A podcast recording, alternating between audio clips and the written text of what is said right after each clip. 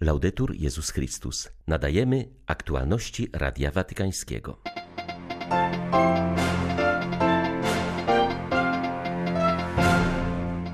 Papież Franciszek opublikował wideo przesłanie przed swoją 35. podróżą apostolską. Zapewnia w nim, że chce spotkać się nie tylko z katolikami, ale ze wszystkimi mieszkańcami Grecji i Cypru. Arcybiskup Aldo Cavalli został mianowany przez papieża wizytatorem apostolskim w Medjugorju. Zastąpił na tym stanowisku zmarłego w sierpniu arcybiskupa Henryka Hozera. W Asyżu trwa spotkanie na temat ochrony stworzenia. W wideoprzesłaniu skierowanym do jego uczestników watykański sekretarz stanu przypomniał, że rozwiązaniem obecnego kryzysu jest wdrożenie ekologii integralnej papieża Franciszka. 27 listopada witają Państwa ksiądz Krzysztof Ołdakowski i Łukasz Sośniak. Zapraszamy na serwis informacyjny.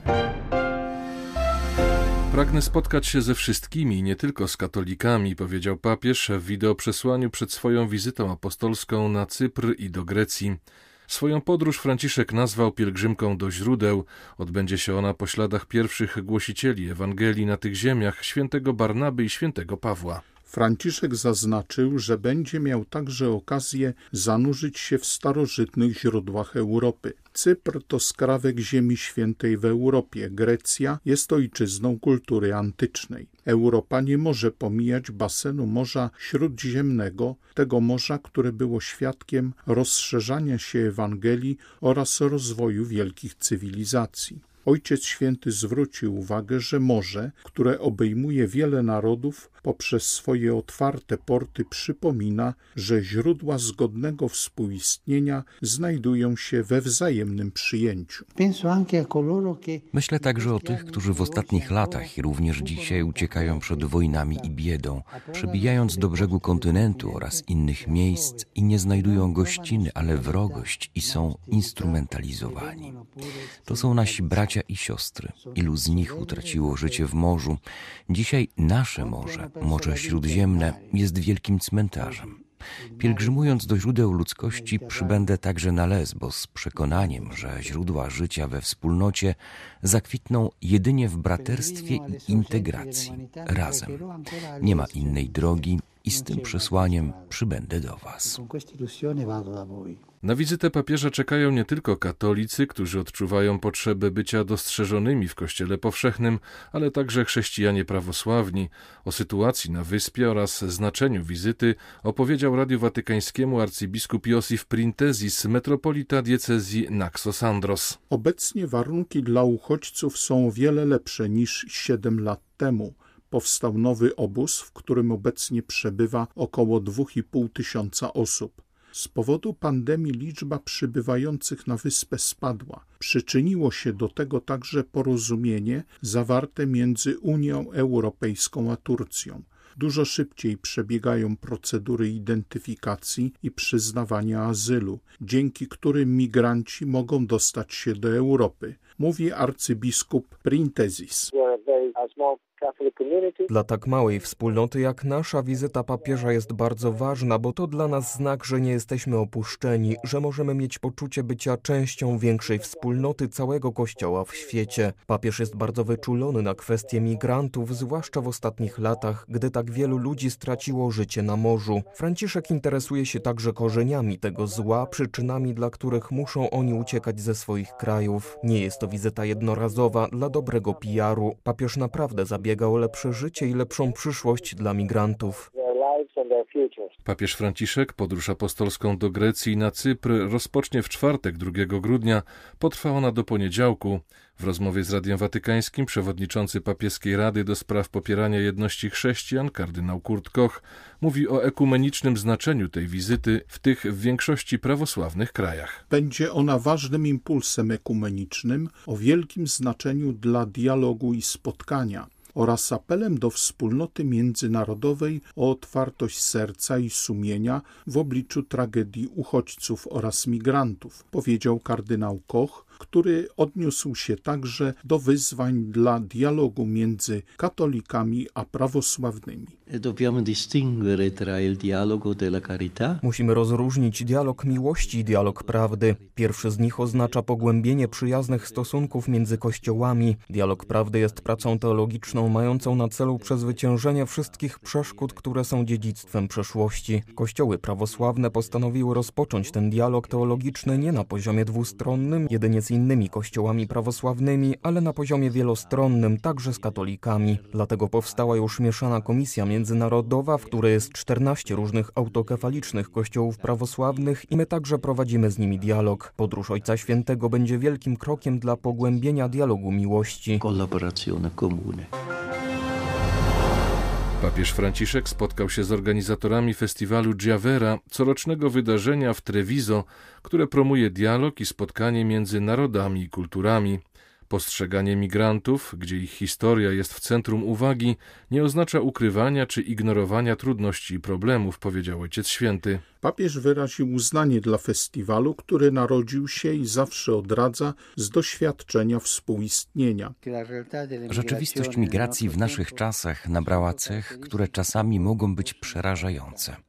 Zjawisko to jest bardzo złożone. Istnieją niestety przestępcy, którzy je wykorzystują oraz ryzyko, że migranci będą wykorzystani w konfliktach geopolitycznych. Dlatego bardziej niż kiedykolwiek potrzebne są miejsca, w których twarze, historie, pieśni, modlitwy i sztuka migrantów znajdują się w centrum uwagi, jak na waszym festiwalu. Sposób postrzegania rzeczywistości migracji nie oznacza ukrywania czy ignorowania trudności i problemów. Ważne jest, aby wasze doświadczenia z migrantami były dostępne dla polityki, aby pomóc osobom odpowiedzialnym za rządy w dokonywaniu wyborów, które pozwolą połączyć zdrowy realizm z poszanowaniem godności ludzi. Wasz festiwal i jemu podobne inicjatywy nie powinien być sprowadzany do folkloru czy spotkania idealistów. Trzeba zadać sobie pytanie, w jakim stopniu nasze doświadczenie wpłynęło na wybory polityczne, na dialog z instytucjami i ze społeczeństwem obywatelskim przesłaniu podpisanym przez watykańskiego sekretarza stanu kardynała Pietra Parolina, skierowanym do uczestników corocznego spotkania wieńczącego tygodnie społeczne we Francji, papież zachęca, aby nie bać się marzyć we wspólnocie, tylko w ten sposób możliwe jest stwarzanie nowych rzeczy, Dokument nawiązuje do tematu spotkania Miejmy odwagę marzyć o przyszłości w trosce o ludzi i o ziemię. Ojciec Święty przywołuje wielkie marzenia opisane w adhortacji apostolskiej Querida Amazonia, czyli marzenia o społeczeństwie, które walczy o prawa najuboższych, aby ich głos był słyszany, a godność szanowana i promowana. Chodzi również o marzenie o świecie, który potrafi zachować bogactwo kulturowe oraz pozwala zajaśnieć na wiele sposobów ludzkiemu pięknu. Papież wyraża pragnienie, aby społeczeństwo niemal zazdrośnie strzegło stworzenia oraz przyjęło orędzie ewangeliczne o tym, że Bóg nieskończenie kocha każdego człowieka. Wspólne dzielenie marzeń oznacza wcielanie w życie kultury spotkania, co jest szczególnie ważne w świecie od dwóch lat pogrążonych w pandemii. Franciszek wzywa chrześcijan do niesienia nadziei światu. Nadzieja jest odważna, ponieważ potrafi spojrzeć poza osobiste wygody, aby otworzyć się na wielkie ideały, które czynią życie bardziej godnym i pięknym. Arcybiskup Aldo Cavalli został mianowany przez papieża wizytatorem apostolskim w Medjugorju. Pochodzący z Lombardii, 75-letni hierarcha, zastąpił na tym stanowisku zmarłego w sierpniu arcybiskupa Henryka Hozera.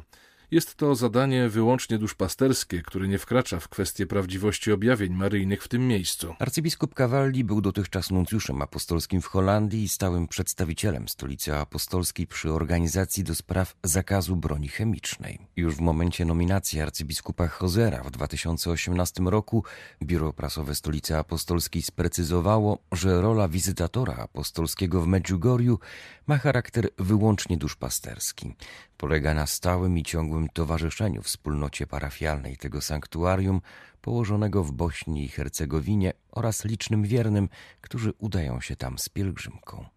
W maju 2019 roku papież Franciszek zezwolił na pielgrzymki do Medjugorje, które od tego czasu mogą być oficjalnie organizowane przez diecezję i parafię, a nie tylko w formie prywatnej. W Asyżu trwa spotkanie na temat ochrony stworzenia zorganizowane przez Fundację Siostra Natura. Organizacja ta, mająca swoją siedzibę w mieście świętego Franciszka, od 30 lat zajmuje się promocją edukacji ekologicznej inspirowanej postacią biedaczyny.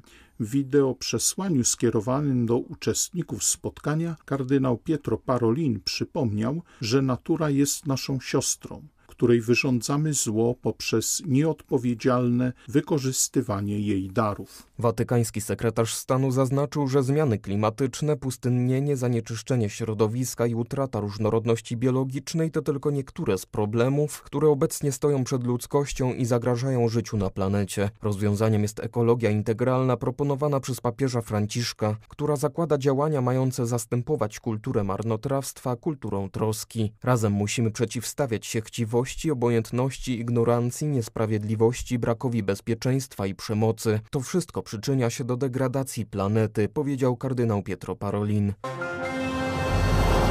W moim liście do papieża nie użyłem słowa dymisja, bo to oznaczałoby, że rezygnuję z pełnionej funkcji. Ja oddaję się jedynie do dyspozycji papieża, bo to on mi tę funkcję powierzył, powiedział arcybiskup Michel Petit, metropolita Paryża, komentując skandal, który wybuchł w tych dniach wokół jego osoby. Powodem zamieszania jest artykuł w tygodniku Le Point, który zarzuca arcybiskupowi Paryża autorytarny sposób kierowania diecezją oraz sugeruje, że przed dziesięcioma laty mógł utrzymywać intymne relacje z kobietą. O winie arcybiskupa miałby świadczyć mail, który przez pomyłkę został wysłany do jego ówczesnej sekretarki. Arcybiskup Opeti przyznał, że w tej sprawie popełnił przed dziesięciu laty błąd. Jego zachowanie mogło sugerować, że między nim i wspomnianą kobietą istnieje intymny związek czy nawet relacje seksualne, co jednak, jak stanowczo zapewnia, nie miało miejsca. O całej sprawie poinformował już wówczas władze kościelne, a zarazem podjął kroki, którymi zdystansował się od tej kobiety. Tygodnik Le Point zarzuca mu również autorytaryzm, który miałby nadrabiać brak obycia z teologią. Michel Opetit jest bowiem późnym powołaniem. Do seminarium wstąpił w wieku 39 lat. Kiedy został biskupem, dłuższy staż miał jako lekarz niż kapłan. Dziś, co zarzucają mu jego przeciwnicy, zachowuje się właśnie jak lekarz. Pewny postawionej diagnozy bez wahania stosuje niezbędną terapię. Arcybiskup Opeti ustosunkował się do stawianych mu zarzutów na antenie diecezjalnego radia Notre Dame. Muszę przyznać, że byłem w szoku, kiedy to przeczytałem. Zastanawiałem się, czy naprawdę aż tyle osób chce, żebym odszedł. Schronienie znalazłem w modlitwie. Wsparciem okazała się również postawa bardzo licznych kapłanów z Paryża, seminarzystów, przyjaciół.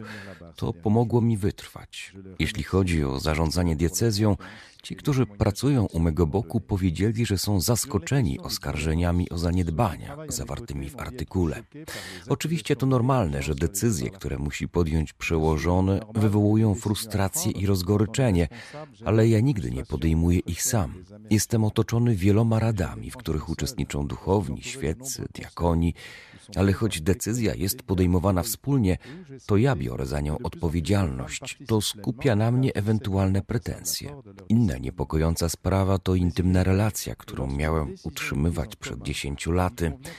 Ci, którzy mnie wówczas znali i dzielili ze mną codzienne życie, mogą na pewno zaświadczyć, że nie prowadziłem podwójnego życia. Po raz kolejny przyznaję, że niezręcznie zachowałem się w tej sytuacji. Dziś jednak ponownie powierzam moje życie w ręce Pana, tak jak to uczyniłem w dniu mych święceń. Były to aktualności Radia Watykańskiego. Laudetur Jezus Chrystus.